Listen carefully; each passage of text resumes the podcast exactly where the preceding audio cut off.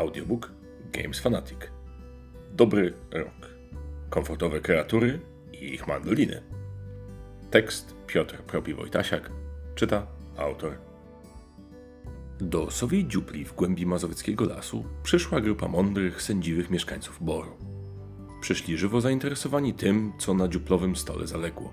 Zdobna plansza pełna żywych zwierzaków, pysznie kalorycznych owoców i grzybów, a także najrozmaitszych przyjemnostek i usprawnień, o których marzy każde zwierzę, gdy tylko nadchodzi pora na zimowy sen.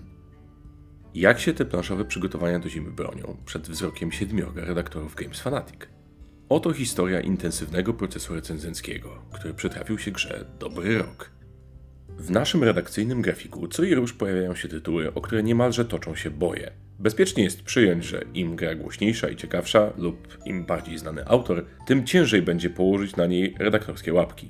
Ucieszyłem się więc niezmiernie, gdy przypadł mi w udziale dobry rok i poczułem niecierpliwie przydreptywać nóżkami w oczekiwaniu na przesyłkę z Lucrum Games. Moje recenzenckie przeczucie mnie nie zawiodło. Gdy gra w końcu do mnie dotarła, wyglądała równie pięknie jak na zdjęciach. Pachniała świeżo ściętą sosną, świeżo z niej wyprodukowanym kartonem i świeżo wypchniętymi żetonami. Cukierki dla oczu. Dobry rok estetycznie wpisuje się w kanon gier, które są po prostu urocze, do granic przyzwoitości. Jak świeżo wykąpany króliczek, młody wombat podczas siesty, czy rozkoszny miś koala przeżywający liść eukaliptusa. Jest to obraz tak słodki i przyjemny, że chce się go schrupać, a przynajmniej pogłaskać, nie bacząc na zagrożenie wścieklizną. I tak właśnie jest w tym przypadku, choć zdecydowanie polecam nie chrupać kartonu ze względu na jego wysoką kaloryczność. Już z okładki atakują nas rozkoszne zwierzaki, wyglądające jakby minutę wcześniej wyszły spod pędzla szancera. I jest to atak zmasowany, bo dominujący pudełko Shop Pracz nie dość, że uzbrojony jest w siekierę, jakby ostrzegając nas, co się stanie, jeśli recenzja nie będzie pozytywna, to jeszcze przyszedł z kolegami, lekko sfeminizowanym wiewiórem, którego płci nie śmiem zakładać, i królikiem kibolem, który już teraz ma na sobie szalik pogoni, a w kieszeni na pewno nie jedną kosę i kolekcję zakazów stadionowych. I stoją tak sobie we trójkę, wyglądając switaśnie i wpatrując się w niebo, z którego sypią się jesienne liście, znak upływającego czasu. Do upływającego czasu jeszcze wrócimy. Czas zimowej mandoliny.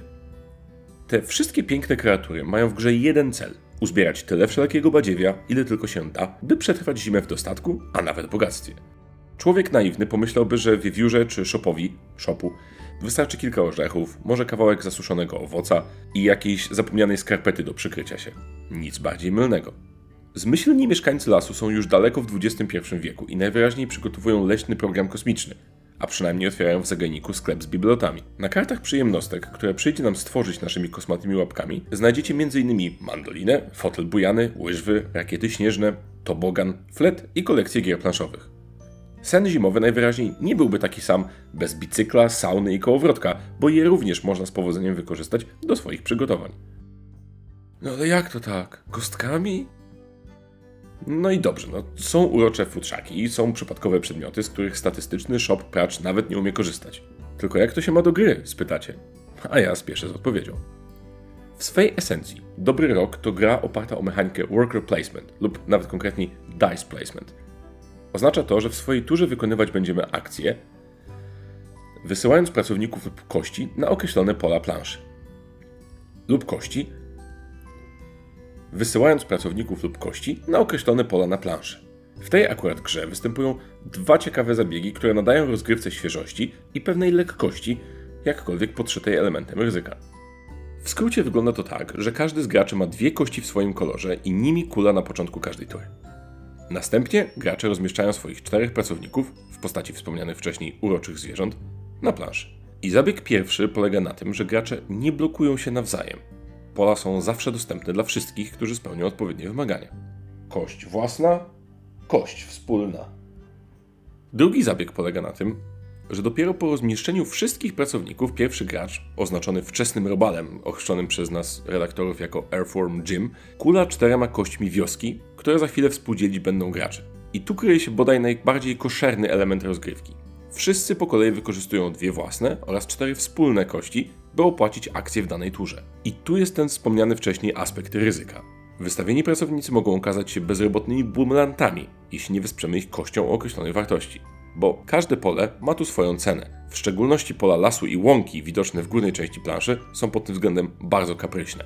Wymagają one np. trzech kości o następujących po sobie wartościach, pary kości o tych samych wartościach, czy sumy kości przekraczającej 11. Potencjalne korzyści z aktywowania pola są ogromne, ale ryzyko niepowodzenia jest równie wielkie.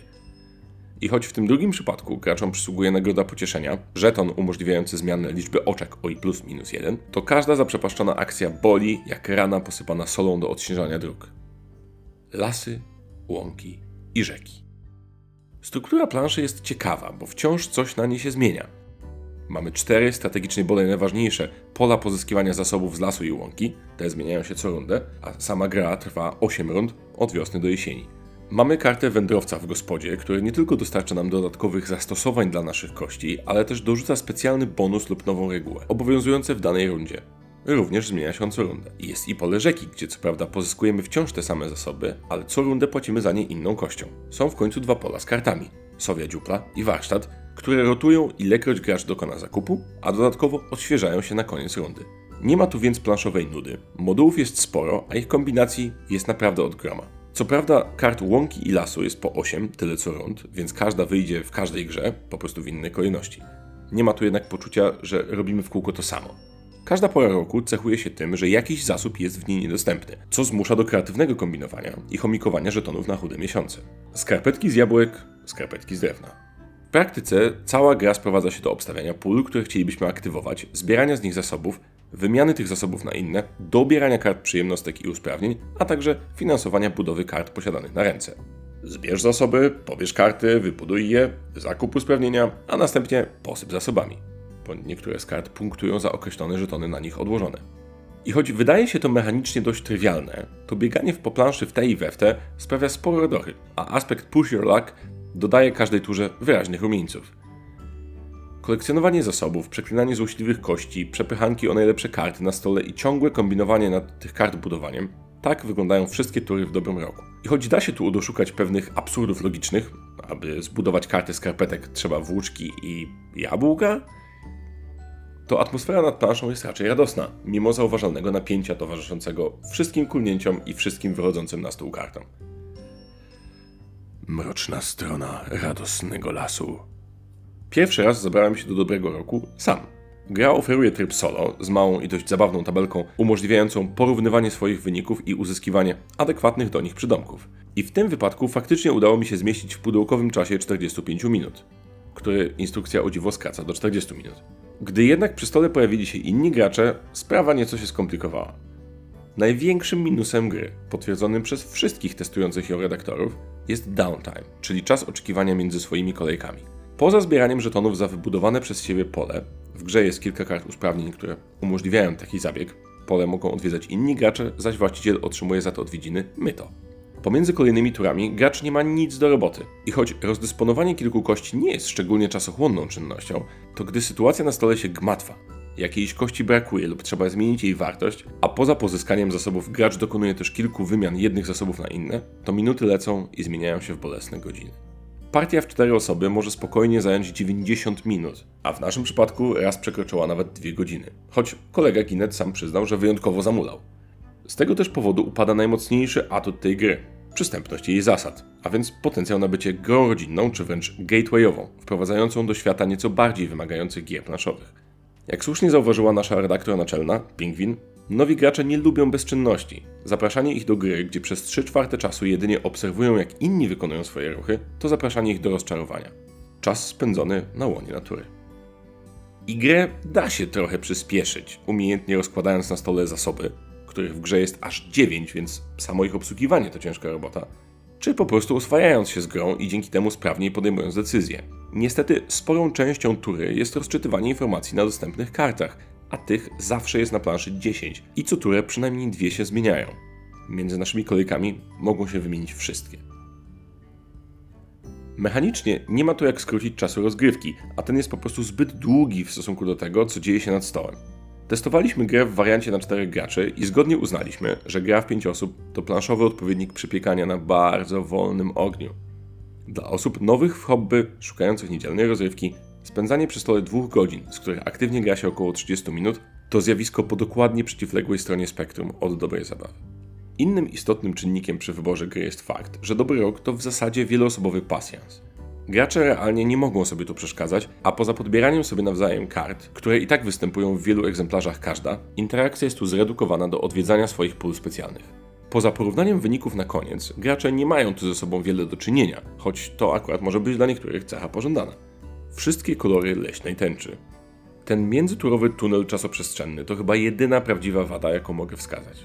Gra jest naprawdę pięknie, a może raczej ślicznie wydana i choć grafiki są nieco grzeczne i rodzinne, to cieszą oko i wpływają kojąco na duszę, jak ciepła herbata z imbirem. W pudełku jest dobrze napisana, niezbyt długa, ale bardzo rzeczowa instrukcja, na ostatniej stronie zawierająca ponadto zwięzły skrót zasad, który powinien być obowiązkowy w każdej instrukcji. Dla graczy miłym akcentem będą easter eggi, czyli występujące w grze karty planszówek, na których kryją się znane nam tytuły. Same karty wydrukowane są na bajeranckim płótnowanym papierze. Kształtne i zadrukowane miple ze zwierzakami prezentują się świetnie, a bogactwo żetonów i planszetek potęguje wrażenie, że gra wydana jest na bogato. Zaznaczam, że mowa tu o wersji zwykłej, a nie deluxe. Biorąc pod uwagę aktualną cenę gry, czyli około 125 zł, to jest to wydanie o bardzo sensownej pozycji na wykresie cena-jakość. Jak dobry jest ten rok? Dobry rok to na pewno pozycja interesująca, ale i specyficzna. Z wyglądu i obsługi dość rodzinna i przystępna, trwa jednak nieco zbyt długo jak na weekendowe luźne granie. Jest tu spory potencjał do paraliżu decyzyjnego, jeśli więc ktoś, podobnie jak kolega Ginet, lubi sobie poczytać, pomyśleć i rozważyć różne opcje, to w konfiguracjach powyżej dwóch osób będzie innym mocno spowalniać rozrywkę. Jeśli jednak nie przeszkadza Ci przestój między kolejnymi turami, a wizja wcielenia się w rodzinę muzykalnych shopów i zbierania dla nich instrumentów na zimę wydaje Ci się trudna do odparcia, dobry rok znajdzie komfortowe miejsce na regale w Twojej dziupli, nochce czy stercie jesiennych liści. Zalety. Piękne wydanie, zarówno pod względem jakości, jak i ilustracji, przystępne zasady wyłożone w bardzo dobrej instrukcji, ekscytujące spojrzenie na mechaniki push your luck i worker placement, wady, trudny do zniesienia downtime, tytuł podatny na paraliż decyzyjny, ograniczona interakcja między graczami. Jest to gra dla 1 do 5 graczy w wieku powyżej 8 lat. Potrzeba około 45 do 90 minut na rozgrywkę lub około 20 do 40 minut na gracza. Po więcej zapraszamy na www.gamesfanatic.pl. Do zobaczenia po drugiej stronie zimy.